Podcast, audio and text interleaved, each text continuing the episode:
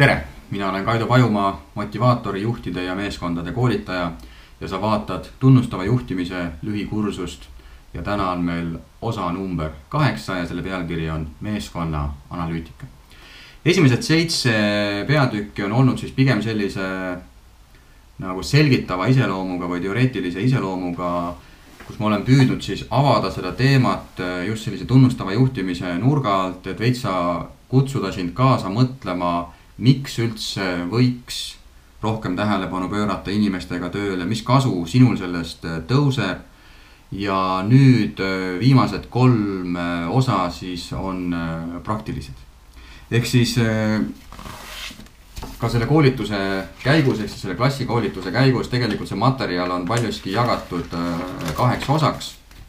kus siis pool päeva lähebki meil samamoodi selle tausta analüüsimisele kah läbi harjutuste, läbi arutelude. ja ma nimetan seda ka selliseks nagu paradigma muutuseks natukene, et, et just luua seda pinnast selleks, et, et sul tekiks huvi. sest lõppkokkuvõttes töö inimestega ja töö selle eelmises kahes punktis, selle joonis, mis ma siin tegin. töö selle osaga, töö inimesega, töö meeskonnaga see ei ole mitte sellepärast, et see kuidagi defineeriks sind hea juhina ja sa, kui sa seda teed, et siis sa oled nagu jube hea juht ja kõik peaksid sellest rõõmu tundma ja sa ise peaksid sellest rõõmu tundma. vaid sellepärast, et töö inimestega aitab avada nende inimeste potentsiaali. kui sa mäletad neid esimesi peatükke, siis need rääkisid just madalast pühendumusest, madalast motivatsioonist. häda ongi selles, et sina ju juhina soovid, et need inimesed päriselt tuleksid ja annaksid endast maksimaalse. sa näed, et nendel on pakkuda rohkem, aga nad on võib-olla loiud passiivsed. Nad ei näita huvi üles, nad ei tule muudatustega kaasa. sest eks sa näed, et tegelikult neid oleks anda, aga nad ei anna. ja nüüd läbi selle, et sa hakkad tegelikult tunnustava juhtimisega tegelema ja sa hakkad rohkem inimestega tööd tegema, siis see ei ole mitte inimeste pärast, vaid see on rohkem sinu enda pärast. sest et sul endal võivad olla mingisugused küsimärgid, sest ka need inimesed, kes tulevad tunnustava juhtimise koolitusele, kui ma panen nimekirja teemadest tahvlile, et miks te tulite siis enamus põhjuseid ongi see, et äh, inimesed ei ole motiveeritud, inimestel on sära silmist kadunud, inimesed ei mõtle kaasa, pigem töötavad vastu. ehk siis juhid otsivad lahendusi nendele olukordadele, aga nendele olukordadele lahendused ei ole mitte sellised tehnilist laadi, vaid nad ongi pigem ütleme siis nagu sellist psühholoogilist laadi.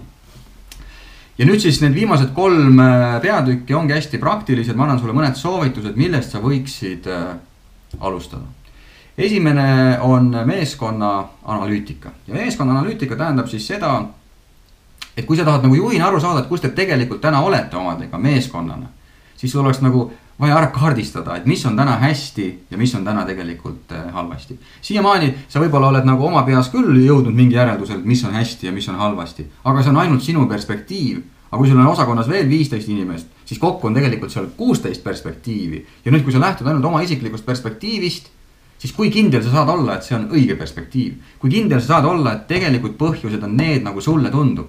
äkki need põhjused on hoopis midagi, mida ütleksid need ülejäänud inimesed, aga nendel ei ole olnud siiamaani võimalust seda öelda. või nad ei ole tahtnud öelda, sest nad ei ole tundnud ennast turvaliselt. arvates, et kui neilt isegi palutakse midagi, siis mis on see tegelik kavatsus, kas tegelikult tahetakse päris asju teada või tegelikult tahetakse ainult kuulda neid asju, mis sobivad sellesse pilti. ja siin on kaks äh, lähenemist ütleme niimoodi et, et üheksakümmend protsenti meeskonnakoolitustest äh, ja ka ettevõttesisestest juhtimiskoolitustest äh, ma viin läbi sellisel viisil, et sellele koolitusele eelneb küsitlus. ma olen selle küsitluse välja töötanud aastate baasil, seal on kolmkümmend viis küsimust ja need on jagatud kolme gruppi. punkt üks, töö. ehk siis, et aru saada, kuidas inimestel on selle suhe selle tööga. seesama töörõõm, tööpiin, millest me ennem rääkisime. Seesama Äh, kui palju teatud küsimustega ma mõõdan seda, kui palju nad äh, väärtustavad neid sisemisi motivaatoreid ja kui palju nad väärtustavad ainult raha. siis teine osa on meeskonna tunnetus. ehk siis just, et äh, see aitab hinnata seda, et kui suur on see avatus, kui suur on see usaldus, kui suur on see meie tunne meeskonnas. ja kolmas grupp on siis juht. ehk siis see aitab mõõta seda, kui suur on juhi roll. ja nüüd ideaalne olekski see, kui sa viiksid läbi sellise analoogse, anonüümse küsitluse, sa ei pea selle jaoks raha investeerima suurt, sa ei pea selle jaoks ka minu poole pöörduma, vaid sa võid julgelt seda teha täiesti paberil, pliiatsil, kirjutada kümme küsimust A4-le, jagada oma inimestega laiali ja paluda lihtsalt nendele hinnata näiteks viie palli süsteemis igale küsimusele lihtsalt number taha ja öelda, et visake need, ma ei tea, homme õhtuks siia kuskile, ma ei tea, karpi. ja oluline just see, et sa selgitad, miks see vajalik on. Et nad saavad aru, et sa tahad päriselt teada saada, et sa ei taha püüda kedagi kinni, kes julgeb ausalt vastata, vaid sa tahad päriselt aru saada, kus sa ise juhina oled ja kus te meeskonnana olete.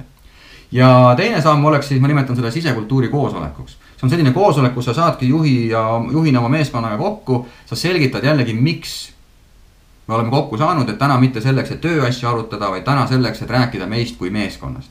ja algul neil võib olla selline asi, et äh, mida siin rääkida, et kõik on nagu okei okay. ja sa siis jagadki oma tundeid. Et mis sinu arvates on okei okay ja mis sinu arvates ei ole okei okay. mis on need head asjad, mis tegelikult muudavad meid meeskonnana tugevamaks, aga mis on need asjad, mis sina tunned juhina, tegelikult, mis seda meeskonnatunnet röövivad ja sa palud nendel samamoodi hinnata, annad nendele kasvõi äh, puhta paberilehe, ütled, et kirjutage ühele poole kõik need asjad, mis teil pähe tulevad, mida sa hindad selles meeskonnas ja mis on meil meeskonnas hästi. ja palu teisele poole kirja panna mõned asjad, mis tegelikult nende hinnangul on nagu veitsa häirivad, mis ei ole nii hästi. mis on meile täna omased, mis on osa meie kultuurist, aga need ei ole hästi. ja algul ei pruugi neid miinusasju tulla, neid negatiivseid asju tulla, siis nad kardavad. Nad ei tea, kas sa jälle päriselt tahad teada saada või on seal mingi konks taga. ja nad ei julge võib-olla päris asju öelda, sest äkki siin kõrval istub mõni kolleeg, kes võib pihta saada. mistõttu algul lepi sellega, et sealt ei tulegi edasi midagi.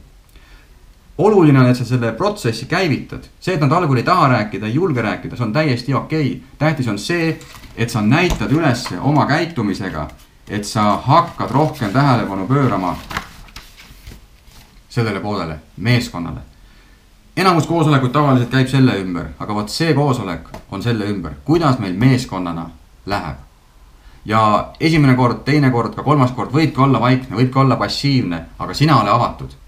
sina räägi oma tunnetest, sina räägi oma kogemustest, oma mõtetest, mis aitaks seda meie tunnet siin suurendada Nad näevad, algul nad on skeptilised, nad on kõhklevad, nad räägivad sellest võib-olla kohvinurgas. aga kui sa ei anna alla ja mida rohkem sa räägid, seda tugevamaks tegelikult see meeskonnatunne hakkab muutuma, sest inimestes tekib see kindlustunne, et juht tunneb huvi ka selle vastu, kuidas meil meeskonnana läheb, mitte selle vastu ainult, kuidasmoodi me aitame temal oma tulemused ära teha